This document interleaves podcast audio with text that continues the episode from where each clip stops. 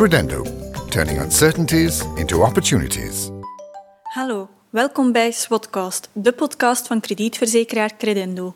In deze aflevering bespreken we de risico's die bedrijven lopen bij het exporteren, waar ze de nodige informatie kunnen terugvinden en wat momenteel de meest veelbelovende exportsectoren zijn. De geknipte personen voor dit onderwerp Louise van Kouwenberg en Jan-Pieter Laalman, Country and Sector Risk Analysts bij Credendo. Louise, laten we beginnen bij het begin. Hoe brengt Credendo exportrisico's in kaart? Op het macroniveau kijkt Credendo naar twee soorten risico's, de landenrisico's en de sectorrisico's. Voor de landen beoordeelt Credendo het risico op basis van een groep indicatoren zoals wisselkoersschommelingen, lokale financieringskosten, inflatie en de algemene economische situatie. Deze factoren hebben een aanzienlijke invloed op de resultaatrekening van alle ondernemingen in een bepaald land. We gebruiken ook indicatoren die een beeld schetsen van de institutionele context waarin de lokale bedrijven werken, zoals de mate van corruptie en de kwaliteit van het rechtsstelsel. Voor de sectoren beoordeelt Credendo de risico's op basis van een reeks indicatoren zoals evolutie van de prijs, de vraag en de productie. Daarnaast maakt Credendo, net als voor het eh, landenrisico, ook gebruik van de betalingservaring en financiële indicatoren. Die twee geven een goede inschatting van de gemiddelde financiële draagkracht van bedrijven in de sector. De klassificaties worden regelmatig herzien en indien nodig zelfs onmiddellijk. Dan op microniveau kijken we naar de financiële situatie van de specifieke debiteur. En waar kan een exporteur deze informatie terugvinden? Alle landenratings van Credendo zijn terug te vinden op de website op een interactieve wereldkaart met twee soorten exportrisico's. Het politiek risico en het risico voor het ondernemingsklimaat. Uh, dat laatste kennen veel mensen waarschijnlijk nog als het commercieel risico. We publiceren regelmatig artikels over de evolutie van landen- en sectorrisico's, waarin de belangrijkste trends en events worden uitgelicht. Jan-Pieter, kan je wat meer uitleg geven over hoe dit risico van ondernemingsklimaat geëvalueerd wordt? Onlangs hebben we de schaal waarmee we uh, het risico voor het uh, ondernemingsklimaat beoordelen uitgebreid. Zo kunnen we een beter onderscheid maken in het risiconiveau van land tot land. De nieuwe schaal gaat van A tot G. A vertegenwoordigt het laagste risico, G het hoogste risico.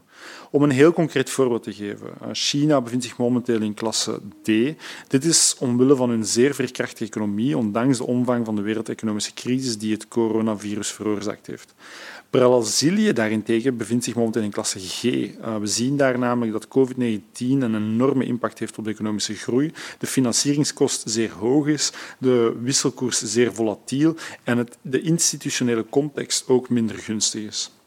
In november publiceerde Credendo nog de exportbarometer. Daaruit bleek dat de farmaceutische sector en de chemische sector volgens de Belgische exporteurs bij de meest veelbelovende sectoren horen. Hoe ziet Credendo de toekomst voor deze sectoren? De farmaceutische sector is inderdaad zeer goed bestand gebleken tegen het coronavirus. Uh, in het begin waren er uh, leveringsproblemen, die hebben een impact gehad op de bevoorradingsketens. Maar de, um, de, de veerkracht van de sector heeft er toch toe geleid dat de wereldwijde verkoop vorig jaar opnieuw gestegen is. En we verwachten ook dat die groei dit jaar en de komende jaren zal aanhouden. Op korte termijn um, verwachten we een boost van de verkoop van de coronavaccins maar ook omdat er nieuwe um, geneesmiddelen op de markt zullen komen die vorig jaar niet konden gelanceerd worden omwille van de maatregelen die genomen waren.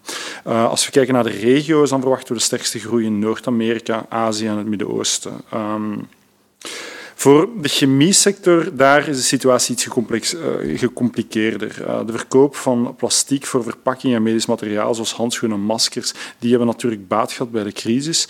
Uh, de toeleveranciers, de toeleveringssectoren van de auto-industrie, de bouw en de luchtvaart, die hebben wel een sterke daling van hun vraag gekend. we moeten wel zeggen dat de eerste twee segmenten, dus de auto-industrie en de bouw, daar is, hebben een herstel gezien sinds het einde van vorig jaar. De marges in de sector die blijven grotendeels of afhankelijk van de olieprijs en de prijs van uh, basispolymeren. Als we dan meer kijken naar de middellange termijn voor de sector, wat toch een risico is, is het feit dat de opstart van tal van polyetheenproductieeenheden in zowel de VS als Azië, die werd uitgesteld door de pandemie, dat die de, de, de, de in gebruikname daarvan, de concurrentie uh, voor alle producenten ter wereld zal doen toenemen. Oké, toch maar wat opletten dus. Bedankt voor deze informatie, Louise en Jan-Pieter.